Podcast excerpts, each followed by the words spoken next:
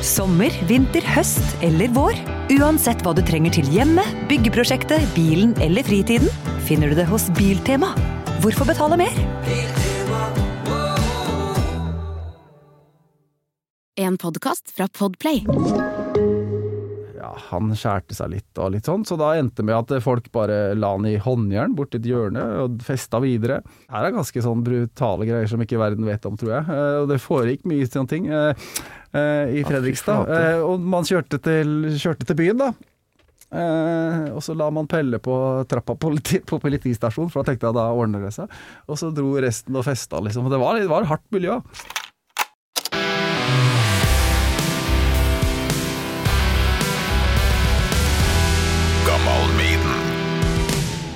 Du bru- bruker jo kanskje artistnavn, eller skal jeg bruke begge deler, kanskje? Altså Det er jo litt sånn der eh, Det er jo egentlig ikke et pseudonym, da. For at eh, det som er, er at det, det dolk-navnet mitt har på en måte hengt med meg siden jeg var seks år, det. Seks år? Ja, fordi at eh, jeg hadde en far som eh, var mye ute og reiste med jobb. Det var, eh, jeg er født på det gylne 70-tall, så det var, jo, det var jo ikke vanlig, det egentlig. Eh, Foreldrene mine har jo bodd i Sveits eh, en periode eh, rett før jeg ble født, og litt sånn, så de var litt sånn De var litt ute, da. Eh, og faren min, han eh, var veldig glad i kniver. Så han hadde kjøpt en dolk eh, til meg.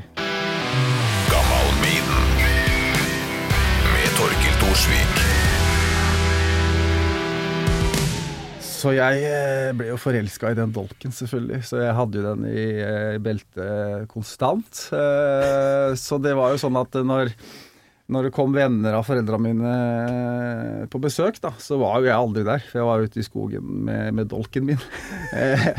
Og det, og det blei jo sånn til slutt at de spurte, spurte ikke etter perioder lenger, de spurte etter hvor er dolk. Ja. Eh, Så du kan si at det var veldig naturlig navn eh, som på en måte bare ble drevet videre, da. Uten at det var sånn masse gimmick med det. Men det passer jo jævlig bra i svartmetall, da. Det gjør jo det. Og dolk, også der jeg kommer fra, det er jo kniv eller eh, ja. Ja, En dolk er jo på en måte Så går gå helt inn i materien, så er det en, et blad som er skarpt på begge sider. ja. Ja, og det var akkurat det det var. Og du hadde en Ja. som var kvass på begge sidene, ja. Jeg vet ikke, jeg husker ikke hvor kvass han var, men eh, det, det føltes sånn ut når du var seks, da. Høres ut som en perfekt oppvekst, uh, som vi skal snakke Mm. mer om. Men da sier jeg Dolk, eller Per Joar Spydevold, Ja. hjertelig velkommen til Gammal Maiden. Tusen takk. Går det bra om dagen? Ja, jeg vil jo si det. Ja. Grattis med album. Jo, takk. Det slår meg litt når du sier det, for at jeg tenkte på det her om dagen at det jeg huska ikke hvem uh, nummeret i rekka det var, men det er det niende albumet, da. Det er Ja. ni, ja. Ja. Så det er stas, det. Har det gått slag i slag, eller har dere hatt noe sånn pauseår, sånn som de fleste band eh, siden 90-tallet? Ja, vi har hatt eh, to store pauser eh, i, i Kampfar. Det var jo Men vi har jo hatt en jævla steady lineup, selv om det er bare meg som er den originale nå, da. Ja. Men det starta jo også med, som et en, enmannsprosjekt med meg, så det er jo greit nok. Eh, men vi hadde, vi hadde en eh, litt sånn eh, hard tid på slutten av 90-tallet. 99. Ja. Eh, hvor eh, det var meg og Thomas som holdt på. Eh, hvor det var ganske mørkt, altså. Uh, det var mye feil, og det var mye Vi brukte kanskje litt feil stimuli og litt ting, mm. som gjorde at ting ikke, ikke gikk så jævla bra. Endte jo opp med at han ene havna på sykehus og litt sånt, da.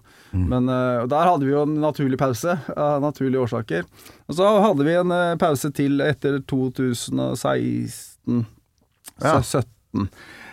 Eh, hvor det var eh, også ganske mørkt. Eh, da had, tror jeg rett og slett vi spilte på oss en sånn eh, slags eh, depresjon, alle mann. Tror vi- jeg hele gjengen? Ja, jeg tror vi gjorde for mye greier. Eh, og til slutt så blei det sånn at Jeg husker det jævlig godt at vi, vi spilte Vakken da, i 2016. Vi hadde eh, Vi hadde jo egentlig allerede bestemt at eh, vi ikke skulle spille mer. Eh, men så eh, var jo masse Det er jo sånn det blir når det blir sånt litt mer band enn kanskje bare kjellerband, da. Ja, Du ja, har jo en del kontrakter som du må fullføre. ja. Eh, og det hadde vi den sommeren der. Ganske mange festivaler. Men jeg husker veldig godt den Vakken-festivalen spesielt, fordi vi skulle spille ganske seint eh, inne i teltet der. Eh, teltet i Vakken, det er jo 20 000, det. Ja. Så det, det er jo liksom ikke sånt lite telt. Men, eh, men det husker jeg, det liksom betydde ikke noe. Eh, for jeg husker at de to gutta Vi er jo spredt da, som band. Jeg husker de to gutta som eh, hører til i Bergen, de eh, de gadd ikke å komme ned på dagen engang, for de sa nei, nei, jeg går på jobb først. Så, så de fikk hente de, da. Eh, de landa i Hamburg og henta de. Vi spilte to på natta, tror jeg. Eh, og jeg husker, husker vi bare sa hei, ja. eh, og gikk ut og spilte. Og jeg følte ingenting og sa ha det, og gikk hvert til oss, egentlig. Det var liksom sånn det var, da. Ah. men, men det som var, er at jeg har sett det der i ettertid, og det Jeg har sett det live, og det var jo superkonsert. ja. Spilte jævlig bra. Altså, Ja, ja, ja. Men uh, hvor de henta det fra, veit jeg ikke. Faen, så sjukt. eh, er Vakken sånn- er jo ja. All band går jo og drømmer om Vakken, og så står Ja, det- dere der, og så betyr det det- ikke noe. Det gjør nok det. Eh, nå har jeg spilt der fem ganger, men, eh, men eh, du drømmer jo selvfølgelig om sånne ting sikkert når du starter. Men eh, etter hvert så blir det litt sånn For, for meg så er det veldig enkelt. Det sa jeg nå når vi har liksom kommet tilbake igjen og begynner å rulle på. Så det er aldri de store festivalene jeg gleder meg til, egentlig. Jeg gleder meg til å gjøre klubbgig i Paris. Mm. eh, I London, hvor du får liksom dine folk eh, rett i trynet. Ja. Intimt og svett ja. og Ja, så det, ja, det har liksom alltid vært sånn, da. Wow. Mm. Kunne jo ikke spilt i Maiden, du, da.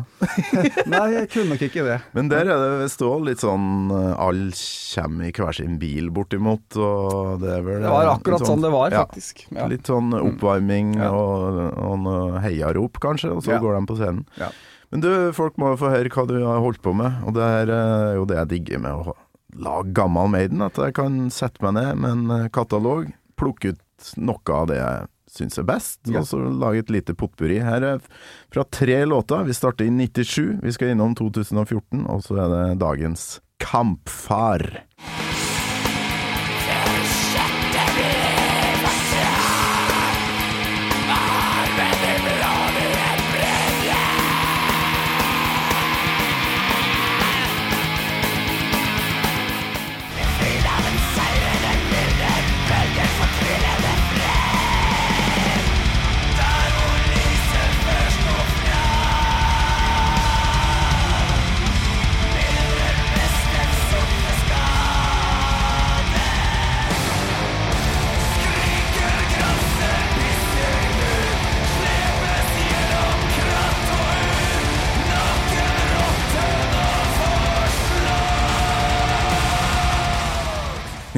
Ja, eh, det er litt spenn der.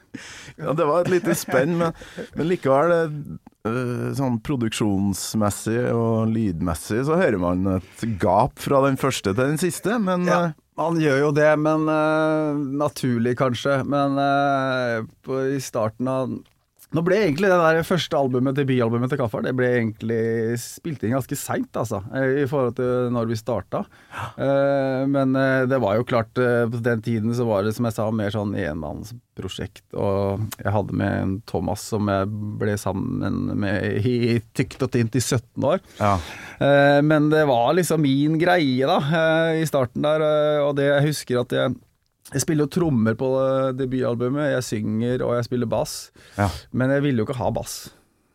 Så jeg spiller bass, men du hører den ikke. Ja, så det, sånn, det eh, var jo, skulle ikke være det.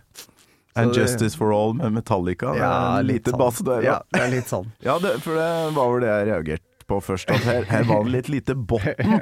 litt lite botten. Men det med viten og vilje. Det er viten og vilje, for eh, det er helt sikkert. Jeg husker veldig godt vi skulle mastre det debutalbumet vårt. Eh, Da var vi her i Oslo på Strype, het det vel, den Mm. gangen. Eh, og så hadde jeg, jeg hadde jo bil, da. Eh, og så var det litt problemer med å parkere, så jeg sendte bare Thomas opp. Eh, for tida gikk jo, hadde ikke så mye spenn. Så når jeg kom opp endelig til stripen, så satt de, var de i gang, de, med å mastre albumet. Ok. Og da husker jeg så jævlig godt at de satt og sammenligna med Satyricon. De satt og spilte Satyricon, og så switcha de til Kampvar, og sånn holdt de på da. Og jeg klikka jo i vinkel. Jeg, jeg husker det så jævlig godt, fordi at det bare sånn Kast det der til helvete vekk. Altså, det siste vi skal ha, er liksom sånn eh, sammenligningsting, da. Ja, altså, Eh, og det tror jeg har vært sånn greie i Svartbetale. Jeg tror ikke jeg veit det. eh, at det har vært, ja, det har vært en sånn Jeg har snakka om det mange ganger i masse intervjuer. og har gjort masse promo nå fordi at vi har sluppet nytt album, selvfølgelig, i de, disse tre-fire ukene da. Mm -hmm. Og det kommer liksom tilbake hele tiden. Uh, og det som er litt For det som Jeg, jeg, jeg, jeg fikk jo greie på eh, at eh, jeg skulle hit, da, så Uh, så hørte jeg litt på podkasten din. Uh, og da hørte jeg Bård, blant annet. Uh, Ja. Faust. Faust, ja. Eh, det var litt interessant, fordi at eh, han snakka litt om det der med at han var eh, redd for eh, på en måte å bli det der hipster-black Ja. Eh, og det er, sånn, det er sånn jeg kjenner igjen. Eh, virkelig. Altså gjennom snart eh, 30 år med Kampfar, så er det litt sånn at det, det har gått så jævlig i bølger, det der. Eh, og i starten så var det sånn at det var så utrolig mange uskrevne regler da, som du måtte forholde deg til hele tiden. Uh, jeg tror at mm, Slitsomt, ja, jeg, men jeg tror at Kampfar faktisk Der skal vi faen meg ha litt kred. For at eh, Kampfar er kanskje en av de som først gikk ut av det der. Uh, virkelig ut av det der at vi driter i hva andre gjør, på en måte. Eh, og det har jo blitt en sånn mer og mer sånn stor greie i svartmetall. da. At eh, ja, de står på egne bein og sånn. Men det har gått så sinnssyke bølger. eh, og jeg ser det med, med Kamfar og har fått masse Det var ikke mer enn eh, ti år siden så var Kamfar helt ut.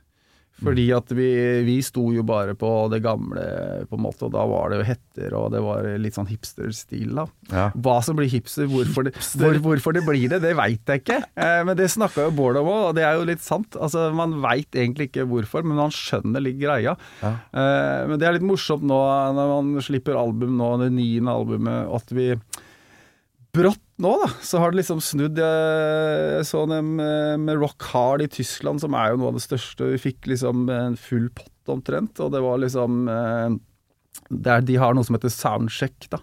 Som eh, går igjennom eh, tror jeg 17 skribenter. Og da gir det liksom høyest score. Da, da kommer Kampfar på andre plass, Og det har jo aldri skjedd før.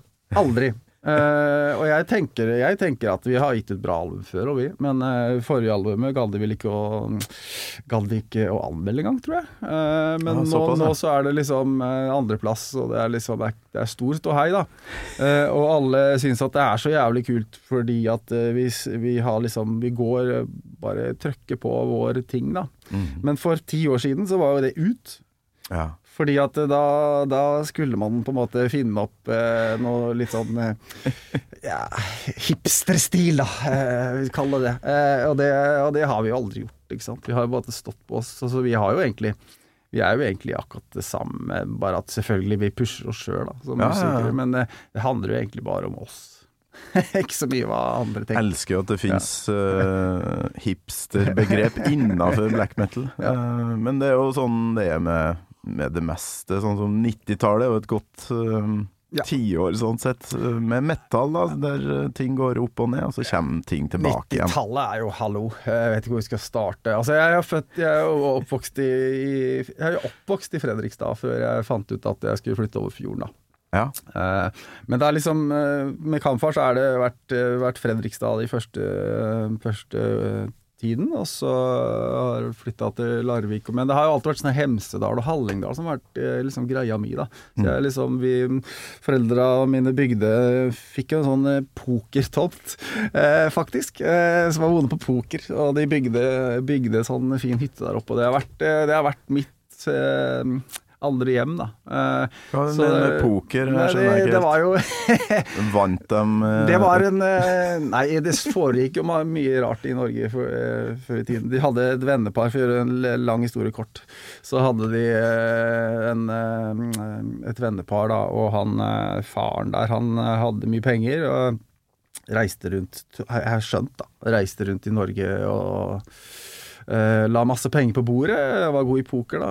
Okay. Og spilte, og spilte eh, selvfølgelig mot bønder og sånn. Og bøndene de hadde jo ikke noe Nei, nei, men du har jo skog, og du har jo tomter og sånn. Så han hadde jo tomter faen meg over hele Norge. Og han vant seg rundt Ja, ja, ja. Eh, og hvordan han vant det på, vet ikke jeg. Men, eh, men i hvert fall, da, så fikk jo de tak i den der tomta der. Og det, det er en sånn tomt som Det blir jo ikke bygd noe hytter eller noen ting rundt der. Eh, for det har liksom vært en sånn Ja, sikkert noe som har blitt gitt bort i fylla i en, en pokerrunde.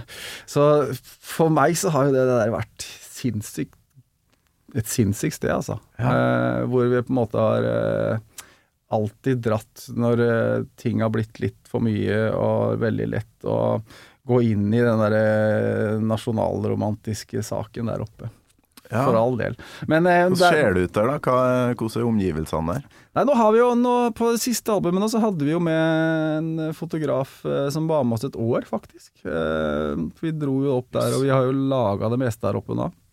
Og spilt inn der oppe, og det er første gang også.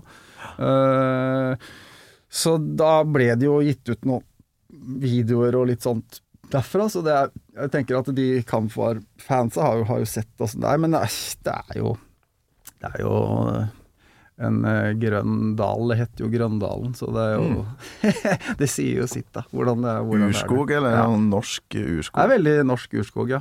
Eh, Så det er litt annerledes enn eh, der jeg vokste opp i Fredrikstad, da. Men det det jeg, det jeg skulle si i forhold til det du sa. Du snakka om uh, tidlig 90-tall og litt sånn at det er jo Jeg er født og oppvokst der.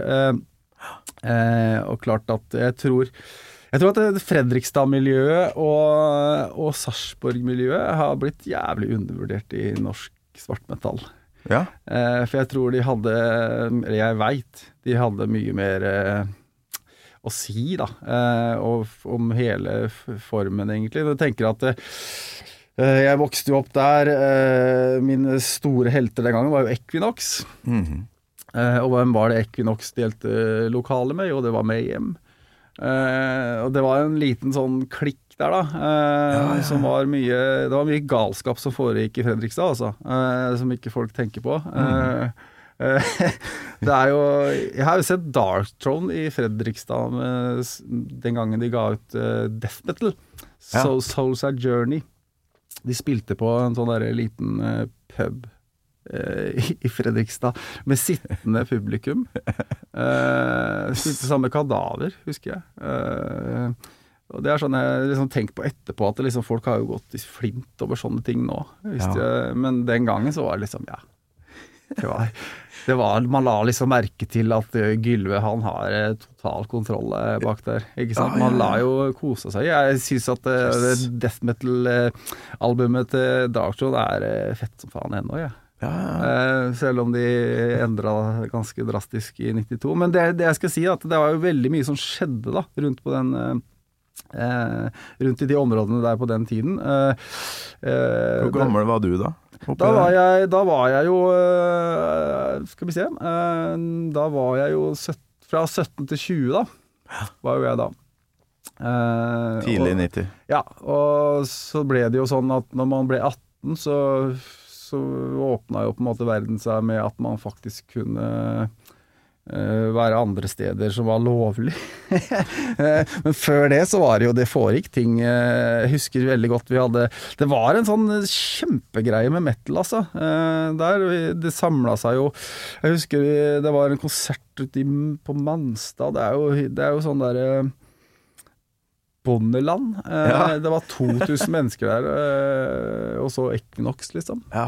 Eh, og flere Equinox. andre. Og det er sånn der, Det er ganske sprø ting. Ja, og det er det jeg skal si, at det, de hadde jo De hadde jo veldig mye mer de hadde nok veldig mye mer å si om hele pakka, altså. Fordi at jeg tenker at du har en sånn derre Jeg vet ikke hvor godt bevandra du er i det, men øh, Hva heter det igjen, da? Eh, den, eh, den der famøse Mayhem-botleggen som er fra Sarpsborg, da. Eh, eh, den Ja, heter sånt jo Typ tidlig veldig tidlig Mayhem, Hvis jeg tar på meg brillene mine nå, så skal jeg se det, for jeg har skrevet det opp her, nemlig. Ja, du har det. Den heter Dawn of the, Dawn of the Black Hearts. Ja, ok. Ja, og den er jo kjempekjent, eh, den, eh, den der Mayhem-botlegen der, fordi det er jo Pelle og alt sånt. Eh, jeg, jeg husker jeg, jeg var jo der, og alle som var i den klikken da, var jo selvfølgelig der. Men, og det har blitt sånn kjempestor sak. Det er vel kanskje den bootleggen eh, Hvis du spør meg, da, så er det den bootleggen der og Para Metallica som på en måte har eh, rula liksom eh, Ja, okay. Rula i ettertid. Yes. Metallica der, live in San Francisco var jo store saker. Men den derre Dawn of the Black Arts med, med Mayhem i Sarpsborg, eller Hafslund, da, som jeg liker å si. Det er et lite bygdehus. Ja, visst. Eh, den, Der har var blitt, den har blitt kjempestor. Ja, ja, der var jo jeg, men poenget er jo at folk var jo ikke der for å se Mayhem. De var der for å se Equinox. Ja. Eh, men, det, men det er jo ingen som snakker om. Eh, alle snakker jo om den eh, Mayhem-giggen der, og jeg husker det jævlig godt, fordi at det, det var et sånt bygdehus. Ikke hadde de scenelys. Så da Mayhem gikk på, så bare skrudde, skrudde de alt lyset. Det var bare svart. Eh, eh, og jeg husker det var liksom Det var veldig mye folk som gikk, altså. Eh, Ok. Som ikke var klar for det der. Eh. Jeg husker Pelle satt ved inngangen og lo av alle som gikk inn. Det var veldig sånn, det var veldig sånn rar greie. Eh, men allikevel så var det det var en sånn samlende greie, da. Altså, vi var jo på masse fester med, med, med Pelle, da, eh, blant annet. Og han var jo alltid litt sånn ute. Det var en fest som eh, ikke jeg var på, men som eh, bekjent av meg var på, som, eh, ja, som han eh, likte å ja, han skjærte seg litt og litt sånn, så da endte det med at folk bare la han i håndjern borti et hjørne og festa videre. Eh, og så før man dro til byen, så, så tok de Pelle baki Det er sånn, eh, her er ganske sånn brutale greier som ikke verden vet om, tror jeg. Eh, og det foregikk mye sånne ting i Fredrikstad. Og man kjørte til, kjørte til byen, da. Eh, og så la man Pelle på trappa på, politi, på politistasjonen, for da tenkte jeg da ordner det seg. Og så dro resten og festa, liksom. Og det var, det var hardt miljø. Det var det. Eh, men det var liksom ikke noe Mayhem hadde ikke noe stjerne sånn sett i, i, i den gjengen her, og det ble Det var kanskje det sånn som jeg tenker at det var, var litt krasj, da.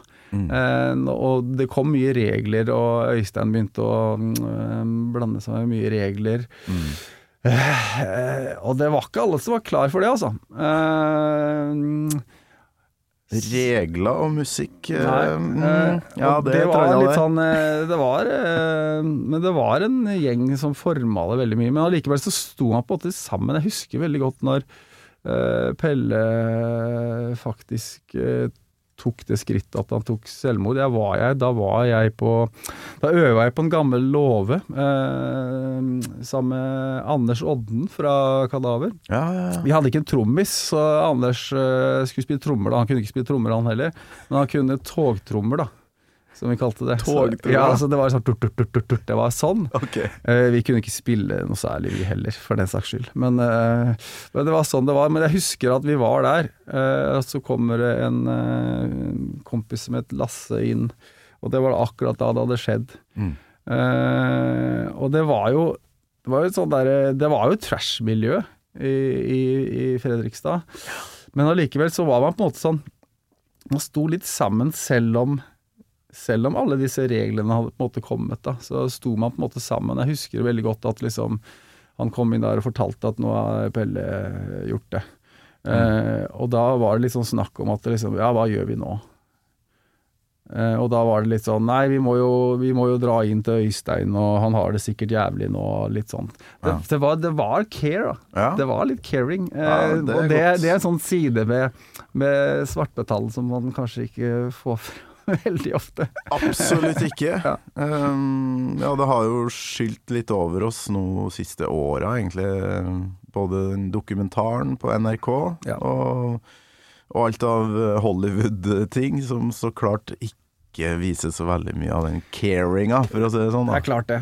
Det er klart det. Men det var andre tider. Det var jo De hadde jo ikke Det var, ikke, det var et kjempemiljø, men det var jo ikke Det var ikke rom for konserter sånn som du ser i dag, at liksom uh, whatever eh, band kan bare sette opp en konsert på John D, eller mm. gå Det var jo ikke det var ikke plass til sant eh, den gangen, så jeg husker jo Det var jo en fyr som hadde en leilighet da, i sentrum av Fredrikstad. Og For å få til noen konserter, så tenkte han at nei, da vi kjører konsert i leiligheten. Eh, og det var jo liksom innerste kjernen da, i Fredrikstad og, og Serp. Eh, eh, eh, og da Det var en lørdag, mener jeg, da. Eh, eh, og det var jo full rulle, det, eh, i den, i den eh, leiligheten der. Eh, men, så, så men så røyk Det var et basstrommaskin som røyk, og da var det noe, et lokalt band som het Balvas. Uh, som uh, jo Jon nå i kamp var uh, spilt i, da. Så okay. vi ble jo kjent den veien, da. Ja. Eh, ganske tidlig, eh, uten at vi tenkte i de retningene der da, selvfølgelig. Men eh, da var det i hvert fall snakk om at eh, nei, det blir ikke noe konsert fordi jeg røk et basstrommeskinn. og- Men så var det noe som tok bilen i fylla og kjørte og henta et basstrommeskinn, og det var full kanakkas. Eh, og kom opp med det igjen, og det var full, full i gang igjen, da. Eh, og så gikk det vel eh, ja, Jeg vet ikke hvor lang tid det gikk, men uh, brått så står det masse uniformerte menn i, i den leiligheten. Eh, det ble liksom litt for drøyt, da, men det var jo egentlig ikke musikken, da. Men det som var kanskje problemet, var at den leiligheten den var jo over et glassmagasin. Ja, ok.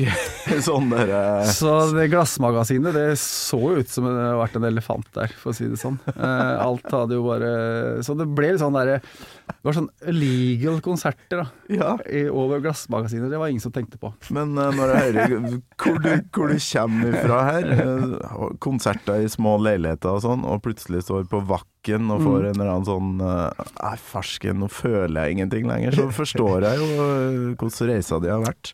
Ja. Og vi må ja, du, du må jo ha hørt på ting for å komme deg dit du var på det her tidspunktet, og som vanlig her i Gammal Maiden kommer jo spørsmålet om om du har hørt noe særlig på Maiden, og husker du første gangen du hørte eh, Maiden eh, Jeg, ja, jeg, jeg husker det veldig godt, faktisk. Uh, fordi at Ja, ja. Fordi at jeg, som sagt, jeg er født og oppvokst i Fredrikstad. Eh, veldig nærme harryhandel. Ja, ja, Og, ja. ja. og harryhandelen starta tidlig, altså. Eh, og jeg husker eh, jeg var jo med foreldrene mine alltid til Svinesund, da. Eh, der kjøpte man jo på en måte tobakk og kjøtt og porno, egentlig.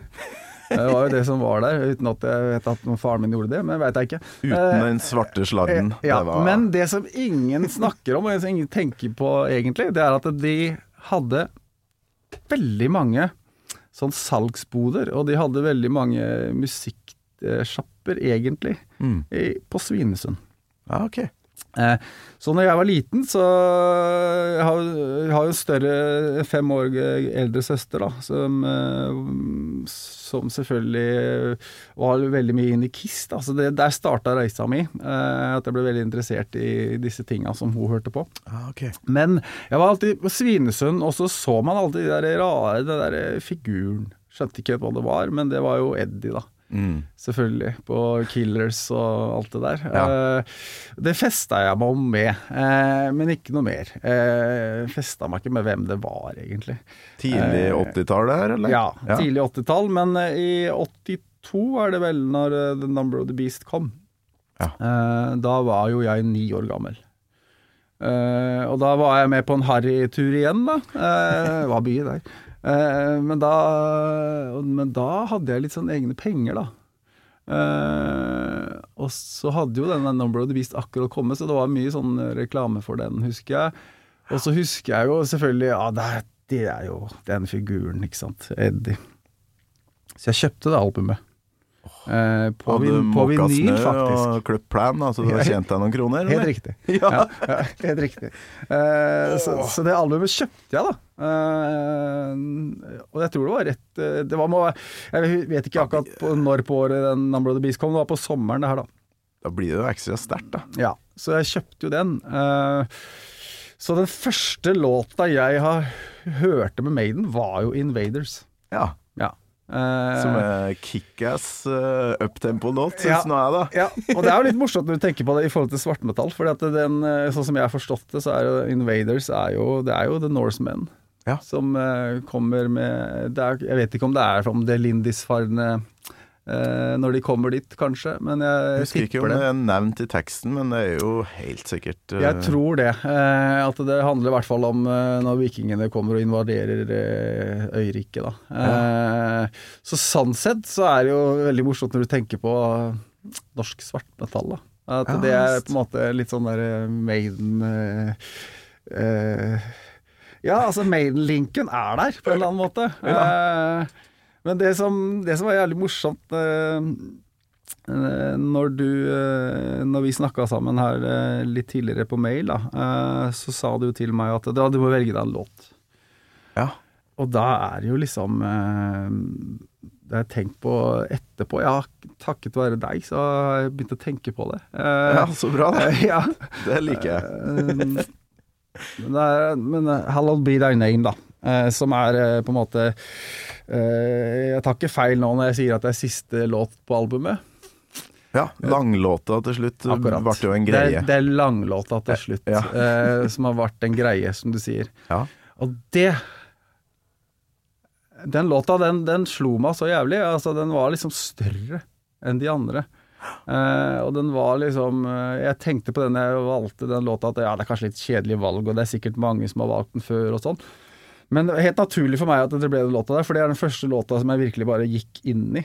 Eh, og da var jeg ni år alt, eh, og jeg, allerede da så på en måte åpna det seg en ny verden da, for meg.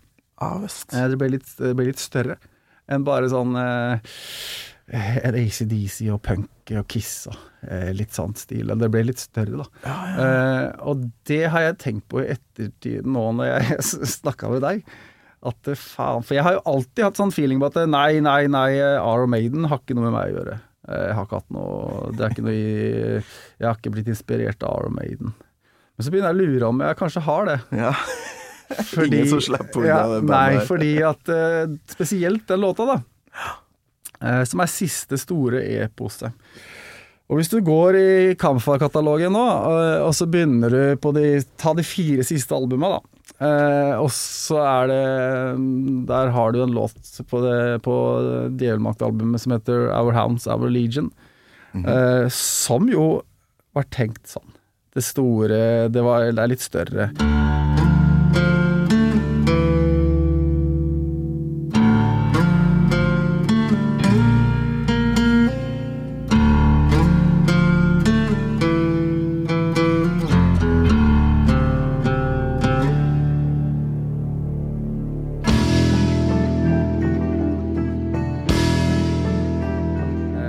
Er liksom det store eposet. Men ikke bare det.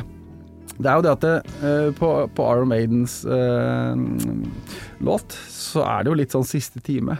Mm. Eh, man kommer til slutten, og man, han venter jo på døden, på en måte. Eh, og, og, og når du trekker det inn i mine ting, så blir det egentlig jævlig interessant. Fordi at Ja. når du drar, tar 2014-albumet vårt, Our Hounds of Allegiance, så er det akkurat det samme. Der er det slutt. Der er det liksom Satan som slår med pisken, og du er ferdig, du er slave, på en måte. Mm. Eh, eh, og så har du neste album, eh, Profan. Eh, der har du Tornekratt, det er også slutt. Da blir det, blir det rulla inn i Da får du straffa di, på en måte. Det er ikke noe vei utenom, og du er ferdig. Eh, eh, ja, og så er det jo Så er det jo på en måte neste album, da. Som er veldig personlig album, Kamfar-album. Det er mest personlig ever, fordi det var mye som skjedde da, ved den tida der. Og, og Ole, gitaristen, mista faren sin i den prosessen, og der er, der er det liksom Der er man klar for døden, da. Eh, I det sorte, som han heter. Også stort epos på slutten. Ja, Alle disse her er det. Og så stopper det ikke der, vet du. Fordi at eh, når vi slipper, når vi slipper eh, nye albumet nå forrige fredag, så så, eh, så har vi jo sluppet Vi har liksom Promotering av album har jo forandra seg litt, da. Eh, Så nå, Ja. nå gjorde vi noe nytt. At nei, nei, nei, slipper vi alt, da. Slipper vi alle singler. Vi driter i det fordi at eh, våre folk kjøper album allikevel. Ja, ja, Det er såpass stor tro vi har på oss selv at det gjør vi. Eh, men, men det siste låta, da, 'Dødens ap aperitiff', den er jo ikke sluppet som noe singel, den bare kom nå, på, når, på albumreleasen. Bra, Eh, bra tittel. ja. Dødens aperitiff. Og der er det jo akkurat det samme. Eh, Der er det jo liksom døden som sitter og ler av deg og drikker katteblod av en kopp og bare ler av deg, og du har kommet til siste veis eh, reise. Men alle disse låtene, de er jo på en måte skapt under samme lest, altså, som Arrow Iron Maiden gjorde i 1982. Eh, eh, og det har jeg ikke tenkt på. Artig. Jeg har ikke tenkt på det før jeg skulle hit.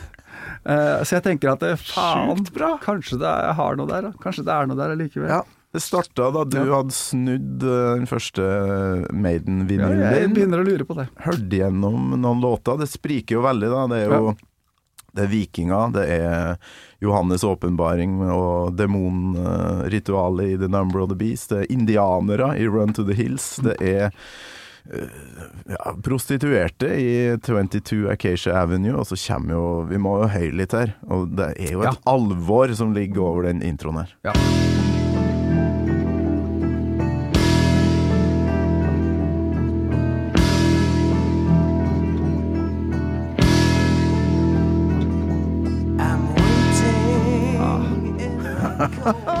Er så Vet du en annen ting òg? Det er så cinematisk, da. Det er, det er på en måte som eh, Det er så på en måte eh, som en film, da. Og der har du enda en morsom link, fordi at eh, når vi slapp det nye albumet vårt nå, så gikk jo ganske mange anmeldere gikk litt bananas av Dødens aperitiff, fordi at de snakker om at det er så cinematisk. Det er så Det kunne vært en film, dette her. Ja, Eh, og det har jo jeg med denne låta her. Altså, den her er jo er en eh, film. En, en film. Og det blir enda morsommere egentlig når jeg dykker litt i det, for etter jeg skulle hit, så dykka jeg litt i den låta. Eh, og når jeg hører at Dickinson sier jo selv at dette her er som en syngende film. Ja. Det er ikke basert på en film, men nei. man lager seg Ja. en film sjøl, da. Ja, og han er veldig glad i den låta, for den er på en måte som en eh, At han tar med publikum i en syngende film, da. Han er jo veldig teatralsk, han Bruce. Jeg vet ikke, liker du Har du plukka opp noe der, eller? eh, Det må, det må jeg ha gjort. Altså, når jeg tenker at eh, jeg så Eddie-figuren og jeg var veldig fascinert av det, så var jeg jo ikke Jeg hadde jo ikke noe forhold til musikken. Jeg visste jo ikke noe om det før i 1982. Mm. Og da kom jo Bruce, da. Da var Bruce med. vet. Så du kan si det at det, det selvfølgelig har det, har det vært med da, på en eller annen måte. Mm.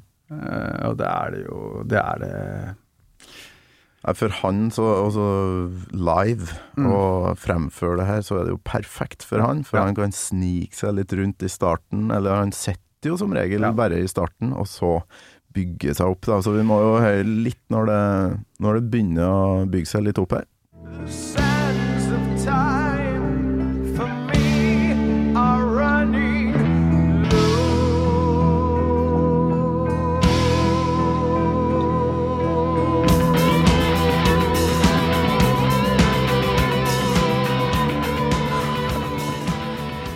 Ja, det er ikke holdt igjen noe der, altså. Det er, eh, selv om det ikke er sånn eh, høy tone, så er det Fy fader. Det Så er, hold eh, tonen der. Men det, det Ja, som da- slo meg da når jeg hadde en gjest tidligere her, eh, Bo André Hagen, som er ja, det motsatte av det du holder på med. Han holder på med bil. Har en bilpodkast med Geir Skau borti gangen her. Men han eh, Vi la merke til det eh, i starten her, et uh, klokkeslag som Det er ikke på time. Nei. Det er litt sånn hvis du ser for deg en, eh, en kar som står oppe i kirketårnet og slår med klokka, det er jo aldri Nei. akkurat i time. Nei, så det, det kanskje det. det. er med vilje. Det det kan skal- godt være. Uh... Vi, vi Det la er vel veldig på en uh, metronom, og da er det et slag som kommer sånn veldig bakpå deg. Ja. Ja, ikke sant? Ikke Det er jævlig deilig å høre det, på det. Ja. Det, det, det er sånn rar greie for meg, det, den der låta der, eh, spesielt, da.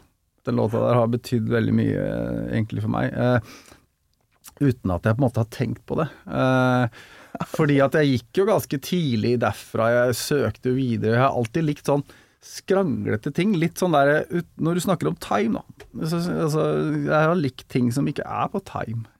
Eh, egentlig. Men jeg tror ikke det har noe med den eh, bjella der å gjøre, egentlig. Men, eh, men eh, det er litt morsomt når du først snakker om det. Fordi at eh, gikk jo ganske tidlig videre, og jeg elska jo liksom når Kreator kom med sine ting som Hvis du hører på det nå, så vi sitter jo og flirer av det. For det er jo så ute av time at det er helt vilt. Men eh, jeg har alltid elska det som er litt sånn skeivt, da. Ja. Eh, Var det fordi de ikke fikk det til, eller? Det fordi de spilte for fort? Jeg tror det det er begge deler, for Ja. å være helt ærlig. Ja, okay. Men det var jo nytt, da. Eh, på en måte bring, eh, Det var ikke nytt, men det, det bringte inn noe nytt, så i hvert fall til massene. Mm. Eh, som eh, jeg har vært veldig glad i, da. Eh, men samtidig så er det noe med Maiden som som er på en måte litt sånn motsatsen, da. Eh, sånn som jeg ser det. At det er litt sånn Det er reint. Eh, og det er den derre differansen mellom de derre skeive og ø, utighte og tighte og, og reine. Som jeg kanskje som musiker i seinere år har på en måte tatt enda mer til mitt bryst og på en måte blanda det. Mm. Sånn som jeg ser det. Så, Ja. Og i den settingen så er jo Maiden kjempeviktig. Mm. Ja. Men um, stoppa du på Number of the Beast? Det ble det albumet du hadde, og så gikk du videre til Nei, nei, for, for all del. Jeg kjøpte jo masse. Uh, Stoppa ikke der, men, uh, men jeg gikk nok ganske tidlig videre eh, til eh, hardere, mer utighte ting. Ja. Når du på en måte oppdaga, oppdaga den verden der litt, da. Men, eh, men eh, Så jeg har jo sett Maiden mange ganger, ja. Så, så jo Maiden eh, første gang, tror jeg, i Drammenshallen i 1990, var det vel. Mm. Med Antrax. Ja, du var på den, ja. Ja. No Prayer uh, on tour. Ja. Men jeg slår meg jo litt Jeg tenkte på det at ja, det er fly flate, men jeg, hadde, jeg har ikke Maiden eh, jeg har ikke noe trøye derfra. Men jeg har, jeg har en trøye derfra, men det var, endte jeg opp med Antrax, da. Ja, ikke sant? Så det var jo litt sånn derre Ja, så det var jo litt sånn uh, morsomt. Men uh, de har alltid vært viktige, da. De har alltid vært viktige. Det der er jo Eh, 1990 er jo ja. et uh, Ja, litt sånn Fansen blir jo litt splitta der, før Maiden ja. går tilbake til mer rock'n'roll. Ja, ja, klart, klart det. Og jeg var jo jeg var jo da 17-18 år, eh, og svartmetallen begynte å ta meg, altså. Eh, Så jeg, jeg mista Jeg har sett på det mange ganger i ettertid. Nå er jeg jo sammen med uh, en dame som, uh, som er en del år yngre enn meg, da, men som alltid var liksom Guns N' Roses, og det var Nirvana og sånn. Og jeg har jo jeg har jo vært på Nirvana, ikke sant. Og det, jeg husker bare at vi bare Ja, der var Nirvana, så gikk vi videre. Det var liksom ikke noe. Det Ja. betydde ikke noe for oss. Hvor så du Nirvana? Eh, På Roskilde. Ja. Eh, det var tidlig 90-tallet. Eh, men for vi var, vi var nemlig der fordi at Equinox skulle spille. ja, ja. Det Nei, men jeg skjønner det Ja. veldig godt, for når jeg hører Nevermind og ja, MTV Unplugged, og, så, og så leser man alle mytene rundt uh, Kurt Cobain og alt det der. Jeg forstår det, Ja. men når jeg ser liveopptak av Nirvana, Mm. fra Kalvøya f.eks. Ja. Åh, det, er det er bare sånn Jeg er glad jeg ikke så den konserten. For det, det må jo ha ødelagt veldig mye da, for den blodfansen. For Det, det, det det veit jeg liksom ingenting om. Jeg husker bare at vi var så jævlig uinteressert i det. Ja. Eh, Det var liksom ikke interessant for oss, eh, og jeg har sagt det der til flere folk som er liksom eh, oppslukt av det, da. Og de blir jo forbanna, rett og slett, når jeg sier det. Så jeg er litt sånn, er litt sånn forsiktig med det. Nei, Men- men det er jo- bare artig. Men det er jo veldig morsomt med musikk, og Maiden, nå er vi her, her i Maiden, gammel Maiden-podkast. Det er jo Ja, ja. det er jo litt sånn at når jeg- snakker om eh, jeg, Svartmetallen tok meg veldig tidlig. Det jo, ble jo religion, på en måte. Eh, veldig masse regler å forholde seg til, og uten at vi mm, brydde oss om det, egentlig. Men det ble jo mye trusler av det, da. Eh, mye ting som skjedde i Svartmetallen. Men eh, med Maiden er jo også religion. Eh, spesielt for eh, veldig de innerste, veldig mange som følger de overalt. Eh, Mm. Eh, og jeg veit ikke Jeg tenkte på det jeg ble Jeg veit ikke om du har hatt en gjest her som heter eh, Frode Kilvik. Har du hatt det noen gang? Han har takka ja til å komme for tre, snart tre år siden, Ja. og så bor han jo ikke i Oslo, så Nei, at, uh, Han spiller jo i Galt Vild nå, da. Eh, han, han er jo indre krets uh, Ja. av denne religionen. han skal som- inn her. Ja, som jeg vil kalle at det Og det, han, burde, han burde få en plass her. Eh, men eh, vi var på turné eh, for en del år siden. Første gang jeg møtte, ble kjent med Frode. mm. Det er jo mange år siden nå. Men, eh, men eh, da spilte han i et band som het Krakow. Mm. Og det var jo kjempebra turné, det, altså. Eh, vi rulla, rundt i nightliner i Europa i tre uker, eller noe. Oi, De var, jo, de var jo da oppvarmingsband, da. Eh, men det som var, det er at der, når du spiller et sted, så heter jo nightliner av en grunn at man kjører jo på natta. Mm. Eh, og i yngre dager så var det mye med Nå prøver man å få sin søvn, men i yngre, Ja. dager, så, i yngre dager så var det mye festing, da.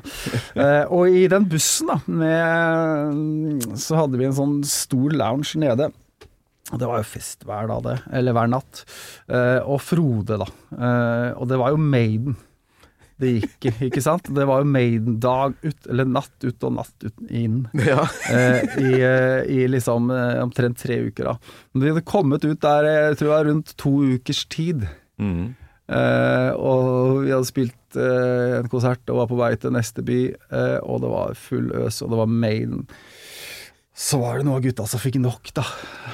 og, og sa at nå gidder vi ikke det her. Eh, og så begynte de å bare ta, ta tak i det musikkvalget, da. Eh, og vi begynte å spille masse andre ting. Eh, masse gamle ting og sånn. Eh, og det, jo, det var jo litt for mye alkohol, så Frode ble jo veldig lei seg, da. Tok det, tok det her ganske tungt. Eh, eh, så jeg endte opp eh, inne på toalettet nå, nå sier jeg sikkert ting jeg ikke skal si, men det samme, han tåler det. Så jeg, endte opp inne på toalettet da på bussen. Ingen som så noe mer i. Eh, men, så, men så vi fått greie, fikk vi greie på dagen etterpå, da, når, når alle ble litt sånn edru, at han hadde jo ringt til Nifelheim, gutta.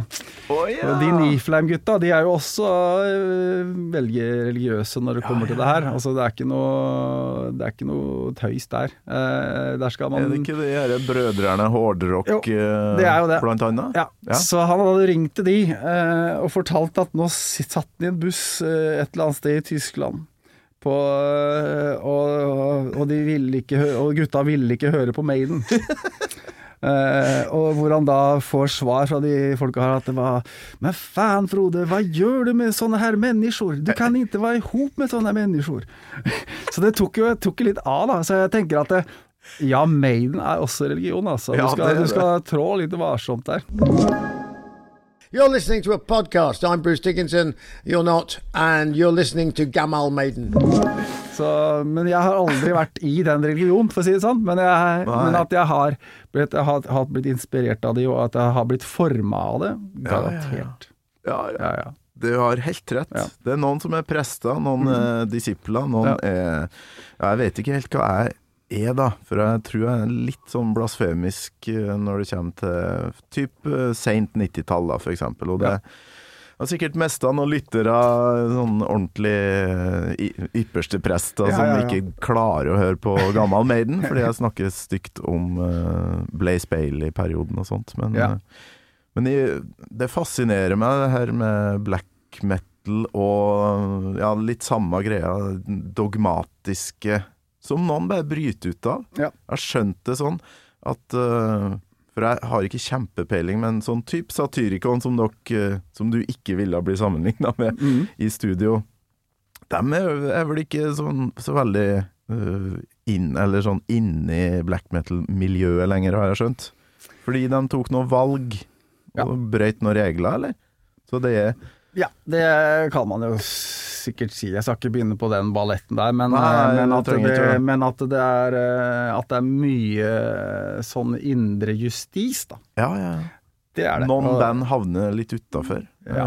er Ja. du fremdeles Føler du at du er inni, sånn at Ja, jeg, har aldri, jeg har egentlig aldri vært inni det. Ah, okay. Vi Jeg har egentlig alltid vært på utsiden. Altså, nå, er vi tilbake igjen, da. Men eh, på, tidlig på 90-tallet så spilte jeg jo et eh, annet band som het Mock, da. Det, men jeg hadde jo Kampfar, det hadde jeg jo egentlig starta i hodet mitt for lengst. Ja. Eh, bare at jeg tok aldri tak i det før dette bandet ble slutt. da. Så derfor så kom jo ikke Kampfar i gang før i 94. Mm. Eh, men i hodet mitt så var det en sånn eh, prosjekt som starta allerede på 91, vil jeg si. Eh, og når Mock eh, gikk til helvete, så tok det én uke, så hadde jeg en demo, jeg, med, med Kampfar. Ah. Så jeg hadde jo alt klart. Men, men det, som, det som jeg skal fram til der, eh, er jo det som du sa med om du er inne eller ute.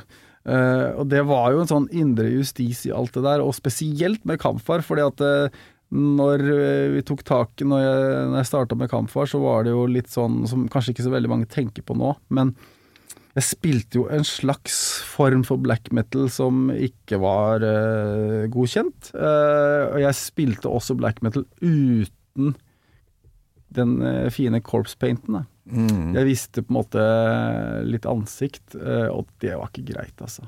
Ah, okay. Og det var eh, Jeg hadde flere uvenner eh, innad i sirkelen enn jeg hadde på utsiden, for å si det sånn. Ja, det, er ok. det er litt morsomt at man tenker på black metal at vi hadde sånn felles fiende, og var kirken og Ja ja, i media var det sånn.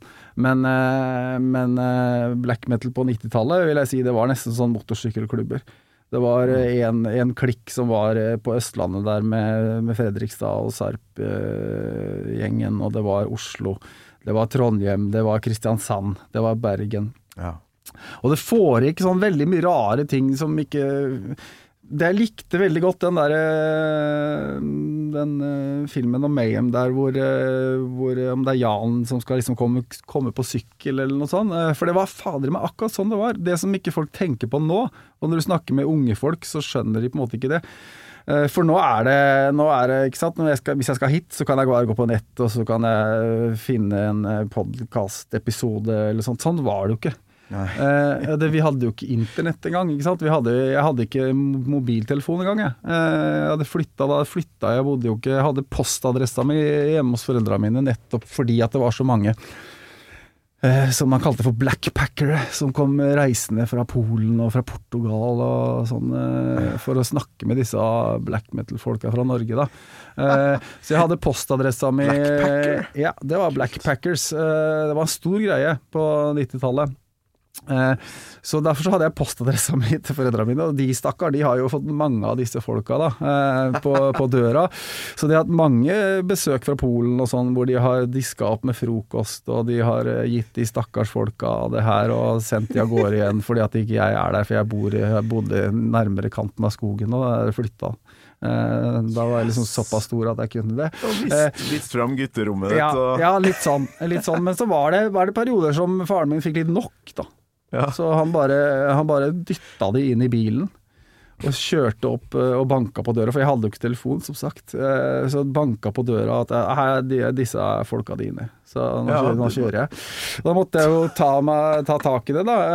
Men disse folka, da. Det er det jeg skal fram til. Disse folka reiste jo rundt. Ikke sant? Og besøkte Kanskje for to dager siden så var de hos Ishan eller Vegard. Og så var det hos meg, og så dro de inn til Mayhem i Oslo, ikke sant. Men disse folka var jo nesten sånn som gamle sånne runners. Ja. Altså, vi fikk jo også nyheter om hva Vegard hadde sagt Ja, okay. skjedde der oppe, eh, i Notodden, liksom. Eh, eller hva han hadde sagt om Kamfar. Så det blei en sånn der greie som, som disse blackpackersene, de på en måte var sånn messengers. Eh, og de bare gikk rundt og fortalte at det hadde han sagt, og det hadde han sagt. Og, og så blei det sånn der, nesten sånn, eh, nesten sånn eh, klikker, da. Som var på en måte Faen, har du hørt hva han har sagt? Ikke sant? Ja. Og så begynte det der eh, Og så blei det litt sånn fiendtlig hele greia. Eh, og det er ikke så veldig mange som jeg har, ikke, jeg, har sånn, sett, eh, jeg har ikke sett noen black metal-dokumentarer som tar for seg dette her. Absolutt ikke. Men, eh, men jeg tror at det, har en mye større betydning enn det folk tenker over. Fordi at eh, vi hadde ikke internett. Vi visste ikke hva nødvendigvis Vegard la ut på Twitter. Hvis du skjønner hva jeg mener. Nei, nei, nei. Eh, Så det ble, jo, det ble jo på en måte bringa mm, mellom disse folka. Jævlig skummelt òg, for Ja. det blir litt sånn kviskreleken, som Ja. det heter. Da. Ja. For budskapet kan jo endre Ja, seg. det kan med- endre ja. seg. eh, Og da, på den eh, Og i den settinga der så var aldri Kamfa inne, for å si det sånn. Ja, ok, sånn, ja. Eh, Men vi hadde jo eh, Så noen av polakka har vært og snakka med noen emperorfolk, og så fikk dere rykter om at nei, dem må dere Kunne ikke fort være sånn, ja. ja. Så du kan si det at eh, hvem som var inne og hvem som var ute på den tida, det var eh, ganske vanskelig å svare på. For det, det var nok mer sånn klikker, altså. Eh, så det er litt sånn, eh, ja. Jeg har hatt en eh, innom tidligere som, eh, som får døde dyr i posten og sånn. Mm. har, har du fått sånn type reaksjon fra Ja, miljøet? Det har vi fått. Det har jeg fått. Jeg har fått sølvmynter liksom? også. Sølvmynt, hva ja, det betyr da? Som, det er jo litt Judas, da. Ja, ok. Så eh, det var jo litt sånn det foregikk den, eh, på den tida. Symbolikken da var sterk, da. Yes. Uh, Så du måtte Wow. Så du kan si at Men jeg, med tanke på det, så er jo egentlig er jo egentlig alle, alle som er de der gamle klassen som nå Nå er jo litt vi ler av det, ikke sant. At uh, med, i, med, ja, med Bergensscenen, og det var mye sånn kniving, da, som, mm. som vi ler av nå, eh, selvfølgelig. Og nå er det jo Nå kan man sitte altså under Spellemannsprisen, f.eks., som i 2016, når vi vant den, da. Så blir vi sittende ved siden av en Slade, f.eks. Eh, og nå er det bare kos og hygge. Ja. Men hadde det her skjedd på 90-tallet, så hadde, hadde vi aldri sittet sammen i det hele tatt. Så Det var det var, jo, det var jo litt sånn, da. Like, like greit at uh, black metal, eller metal-kategorien, den fantes vel ikke heller på den gode, gamle Spellemann. Han eh, gjorde nok ikke det, eh, så det er kanskje like greit. For, for settingene der Ja, nå er vi inne på en annen greie, men eh, settingene med Spellemann er jo veldig morsomt eh, veldig ofte. At eh, når vi, jeg husker når vi vant, da. eh, i eh, dette året, så var jo det at da skulle jo Spellemann på en måte slå på stortromma. Da de dratt det tilbake til eh, Spektrum, da. Eh, Det var en sånn stor greie. Og i sånn NRK-setting så blir det alltid veldig rart, for de skal jo på en måte samle Musikk-Norge, ikke sant. Ja. eh, så jeg, vi ble jo sittende, da, plassert på forskjellige bord. Eh, så ble vi sittende, vi satt siden av en Slaved, og siden av oss så satt eh, black metal-bandet Shooter.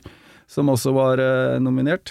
Ja. Men eh, når vi kommer dit, da, skal vi skal få fin mat og det skal se på show, og det er jo litt sånn kos, kos, kosing, da. Ja. Eh, men det står liksom to tomme stoler der, siden av oss, da. Okay. Eh, og så tenker jeg bare ja, det var jo rart at ikke det var noen der. Men så etter hvert så, så, sitter jo Tudor sitter jo der, eh, og så ser jeg på disse to bordkorta.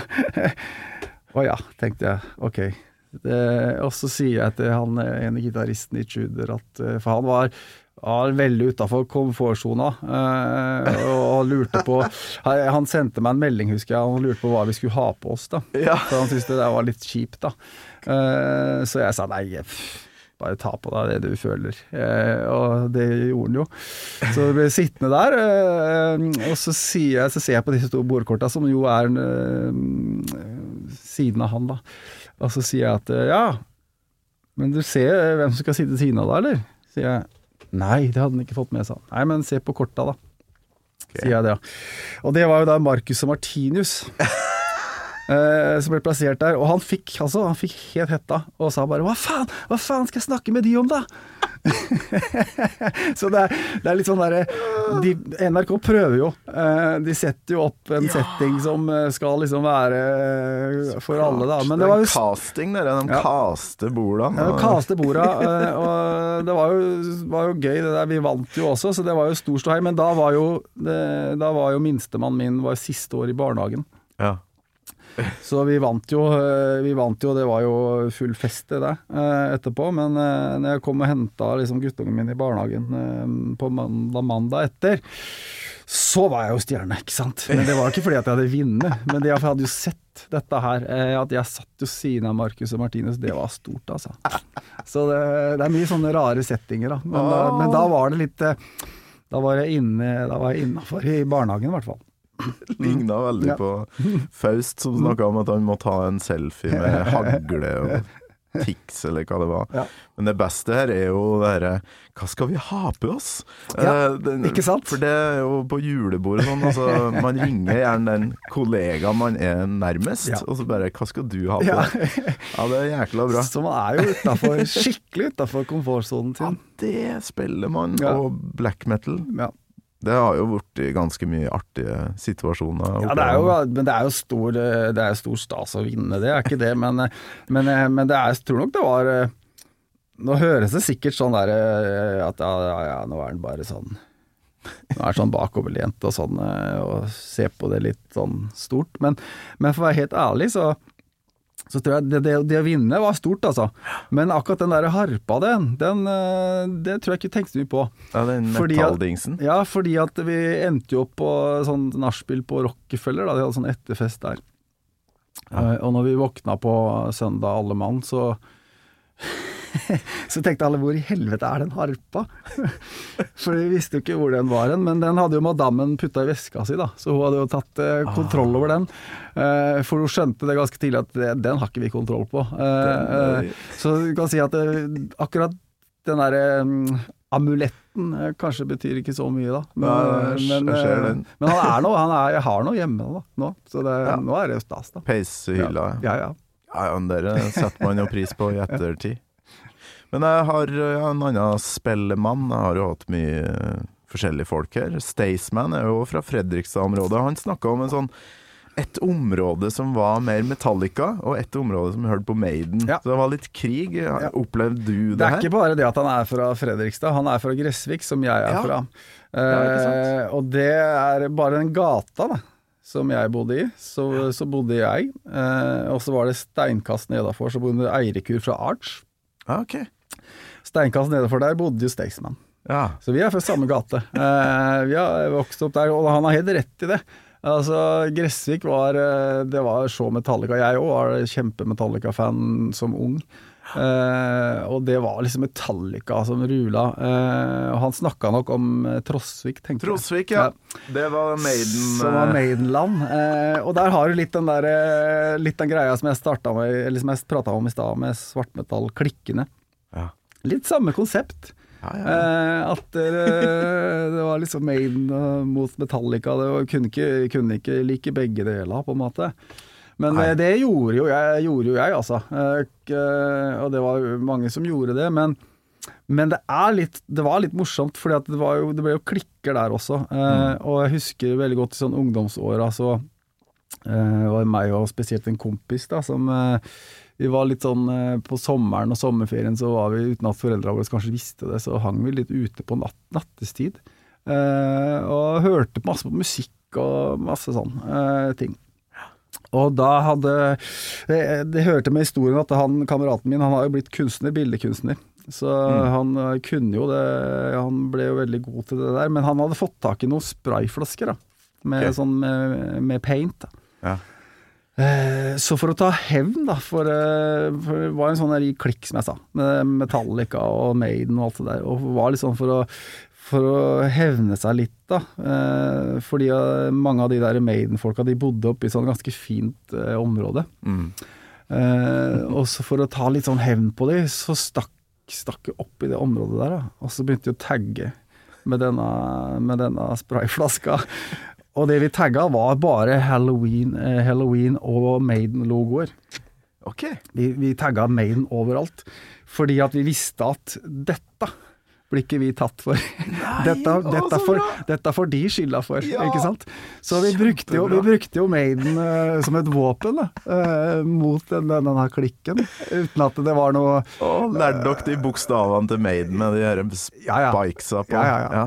Og han, som sagt, han, ble, han, er jo, han er jo kunstner i dag, så han, eh, han tok det der veldig lett. Ja. Uh, så Sikkert tegna noen Eddies Ja, opp igjennom han. Jeg løp ikke rundt med den flaska jeg, men det gjorde jo han. Men det var jo, tok litt sånn der Det var liksom sånn derre Ja, nå skal de få. Uh, ja. Så jækla bra. Du, jeg glemmer jo helt Vi har holdt på lenge nå, har hørt veldig lite musikk. Skal Ja. innom eh, ja, første verset, for eksempel. Mm. Er vi klar for det? Ja.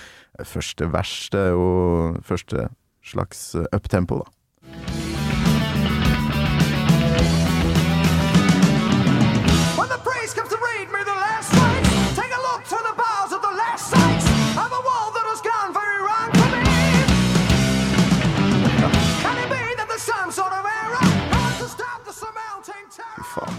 Tekstartikulasjon, det er en god på. Ja, er veldig god på det. Og så er det, er det det som du eh, Som også jeg bit meg merke i, det er jo den der Selv om det er Som vi snakka om med timing, da.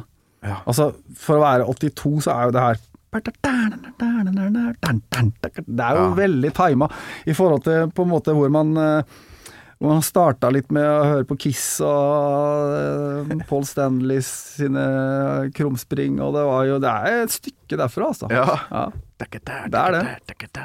Men det er jo For eksempel når den går opp på Ja. Det er jo veldig rent og cleant der. eh, og stikk motsatt av det du holder på med Ja. når du synger. Ja. Eh, Black metal, var det sånn en slags motstand mot eh, alt det der litt reine og vanlige og litt kjedelig Det gamle, liksom? Ja, det var nok det. Det skulle Eh, bare være skummelt, og det som var greia med den vokalen, da, som er ganske brutal som regel. Ja, det var nok en sånn blandingssak, men, eh, men eh, på tidlig 90-tall så var det selvfølgelig opposisjon, da.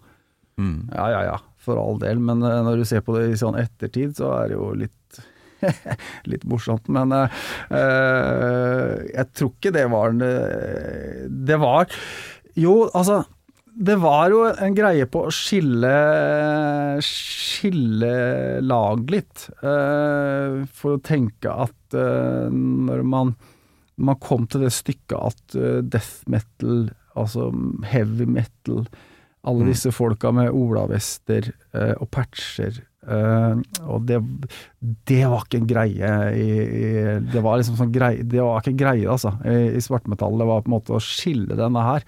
At vi er ikke en del av det. eh, og jeg tror det også gjorde en greie med musikken, selvfølgelig. Men eh, man må huske på at vi var, vi var jævla unge, da. eh, alle sammen. Eh, så det var jo ramma alvor for oss den gangen. Men når du ser på det ettertid, så blir det litt sånn barnestreker. Ja. Når man tenker at eh, eh, Nei, jeg skal ikke ha noe med denne heavy metal-greia å gjøre.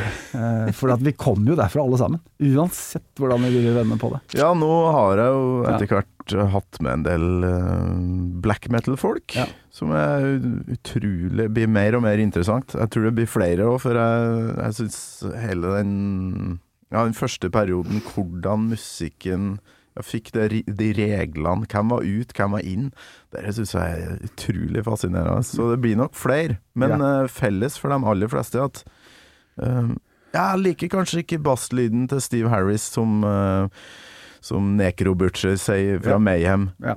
Men jeg hørte på det. Jeg digga det Ja. tidlig 80-tall. Ja. Så det, all- alle meningene har jo kommet i ettertid. Ja, de har, Så- de har jo det. ja. Uh, de har jo det. Uh, for, for vi kommer jo fra Alle sammen kom fra dette. Det kommer jo også Jørn fra det. Necrobutcher kommer det fra han òg. Ja. Så det er jo liksom eh, Jeg tenker når du snak- snakker May, Mayhem og sånn, eh, for å gå på det, så er det jo De delte øvingslokalet, som sagt, med Equinox. Altså er det noe som har er det noen som har klakkebass, bass, så er det i hvert fall Equinox. Eh, så det, det, er jo, det er jo ordentlig klakking, og, og det Det blir sikkert en sånn greie, det òg, at dette skal vi i hvert fall ikke ha. Skal vi lage det motsatte? Ja. Jeg har jo en slags eh, regelverk inni meg at det skal i hvert fall ikke bli 90 minutter, men uh, det her er jo så hyggelig at vi kunne holdt på veldig lenge. Men eh, vi må høre avslutninga på låta di, 'Hallow Be Thy Name'.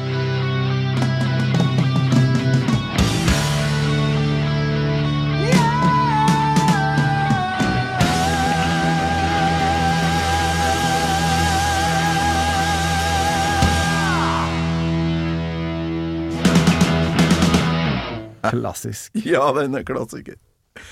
Men det, det som er bra med teksten her, at det er mm, Jeg syns jeg hører litt optimisme mot slutten av, og det har kanskje ikke du med deg videre på i dine tekster, eller? For det er litt sånn sjela mi lever videre, nå ser jeg dere fra den andre sida, og det dere driver på med der, er bare drit i det, det kommer noe bedre etterpå, da. Og Ja. det budskapet eh, vet jeg ikke om du er helt enig i. Nei, det budskapet Ja, altså, jeg er enig med det, det er en annen sak. Men eh, det budskapet kommer nok kanskje ikke like godt fram i, i det vi driver med. Men, eh, men det er litt samme, altså. Det er eh, når vi driver med de store tingene som jeg snakka om i stad, om de store eh, Kall det epos, da. eh, På slutten av albumet. Så er det jo litt sånn det setter spørsmålstegn med ting, da. Det er ikke sånn at vi slår bastant fast at du du havner der. Nei, nei, Det er litt sånn eh, Det er litt sånn håp i eh, Håp i alt det mørke også. Ja. Ja. Det er jo Vet ikke om du har fått med deg det, men verset som begynner med 'Mark my words, believe my soul lives on'. Skal vi se om jeg har eh, Ja, det var kanskje det vi hørte i stad, var det? Nei.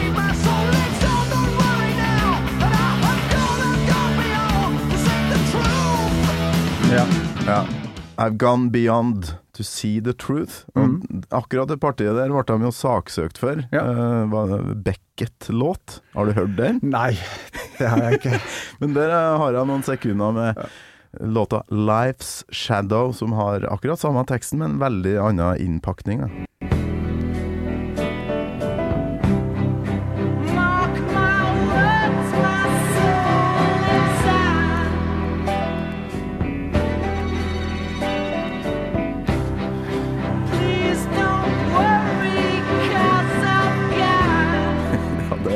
Ja.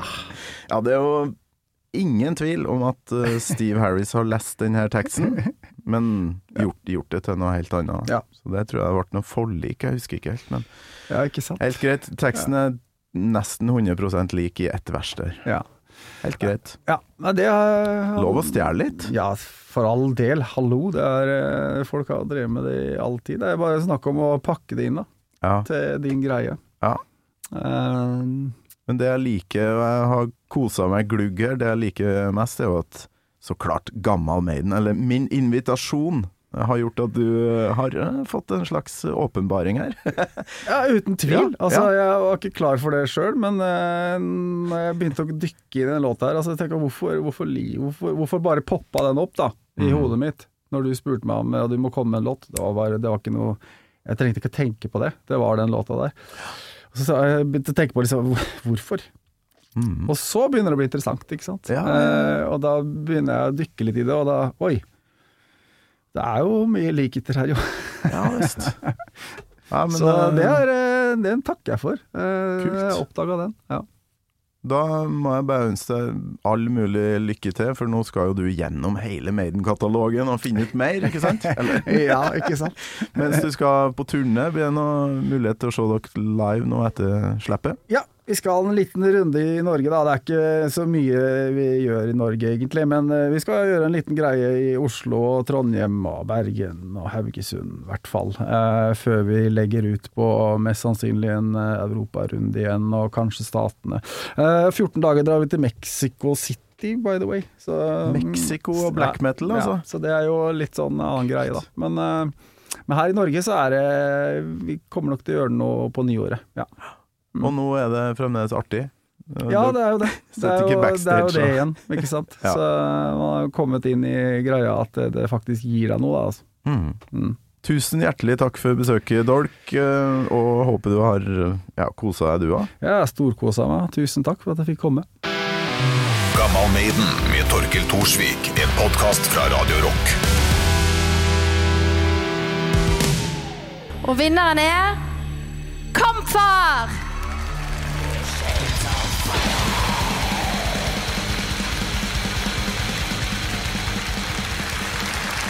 Jeg bare si én ting først. Eh, Etter 22 år i det bandet her, så vet jeg alt om at eh, i kriker og kroker så er det alltid snakka om at metal det er farlig. Det er ikke farlig. Det er det her som er farlig, å bli kommers, og det er vi nå blitt. Tusen takk, juryen, for at vi nå er Norges mest farlige band. Tusen takk. Og en ting til sist. Dag, den her er til deg. Du har hørt en podkast fra Podplay. En enklere måte å høre podkast på. Last ned appen Podplay, eller se podplay.no.